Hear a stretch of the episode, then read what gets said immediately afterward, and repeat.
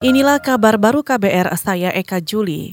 Presiden Joko Widodo memerintahkan agar segera dibangun terminal khusus untuk penerbangan internasional Bandara Samratulangi, Manado, Sulawesi Utara. Apalagi selama ini penerbangan internasional masih bercampur dengan penerbangan domestik. Jokowi mengatakan terminal internasional juga harus dilengkapi landasan pacu atau runway yang lebih besar dan panjang agar bisa menampung pesawat berbadan besar sehingga bisa meningkatkan jumlah penumpang.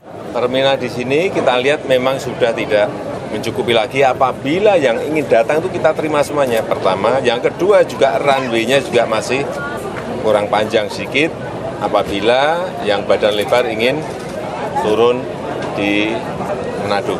Nah, sebab itu sudah kita perintahkan agar ini segera dibangun terminal yang baru dan akan dimulai nanti bulan September. Presiden Joko Widodo juga menargetkan pembangunan terminal internasional Bandara Samratulangi selesai dalam satu tahun anggaran, mulai September tahun ini hingga Agustus 2020. Pemerintah juga akan memperluas Bandara Samratulangi dari 26.000 meter persegi menjadi 56.000 meter persegi. Jokowi juga optimis banyak wisatawan asing yang berdatangan ke Manado jika fasilitas bandara ditambah. Saudara Detasemen Khusus atau Densus 88 menangkap terduga teroris ayah dan anak di Magetan, Jawa Timur. Juru bicara Mabes Polri, Dedi Prasetyo mengatakan, saat ini Densus 88 masih mendalami dan melakukan pengembangan. Terduga teroris itu diduga terlibat dengan jaringan jemaah Islamiyah. Magetan sedang didalami ini kaitannya dengan pengungkapan e, lima tersangka kelompok JI dengan amirnya yang ditangkap di Bogor kemarin. Ini masih ada kaitannya dengan situ. Masih kita dalami.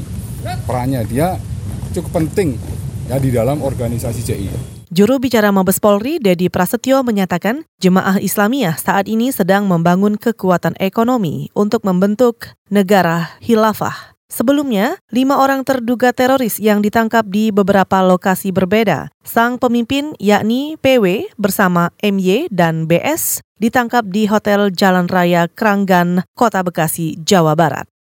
Saudara Badan Meteorologi, Klimatologi dan Geofisika atau BMKG kelas 1 Semarang mengklaim kekeringan di wilayah Jawa Tengah lebih cepat terjadi dibandingkan dengan tahun 2018 lalu. Kepala Seksi Data dan Informasi Stasiun Klimatologi kelas 1 BMKG Semarang, Iis Widya Harmoko mengungkapkan kekeringan terjadi karena Jawa Tengah memasuki musim kemarau panjang atau lebih dari 31 hari tanpa hujan, terhitung sejak akhir Mei hingga akhir Juni lalu. Di mana kami mempunyai beberapa klasifikasi dari warna hijau, kuning, coklat, sampai dengan warna merah muda dan warna merah. Nah yang perlu diperhatikan adalah apabila sudah ada warna merah muda, di mana warna merah muda ini adalah sudah ada hujan dari 31 hari sampai dengan 60 hari. Sementara kalau sudah warna merah, ini termasuk dalam kategori kekeringan ekstrim.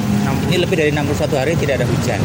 Kasih Data dan Informasi BMKG Kota Semarang, Iis Widya Harmoko menambahkan, hingga akhir Juni lalu, hampir seluruh wilayah Jawa Tengah sudah lebih 31 hari tidak ada hujan. Sementara kekeringan ekstrim tertinggi terjadi di Klaten, Wonogiri, dan Magelang. BMKG Semarang juga mencatat total 35 kabupaten kota se-Jawa Tengah yang terdampak kekeringan akibat musim kemarau panjang sebanyak 31 kabupaten kota.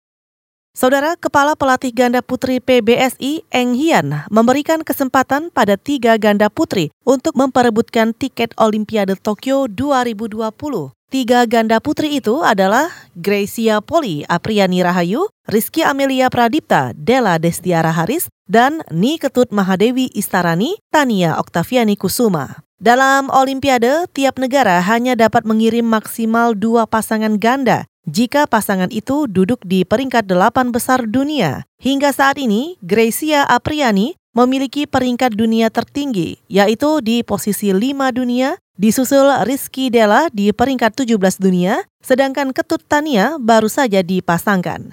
Saudara demikian kabar baru, saya Eka Juli.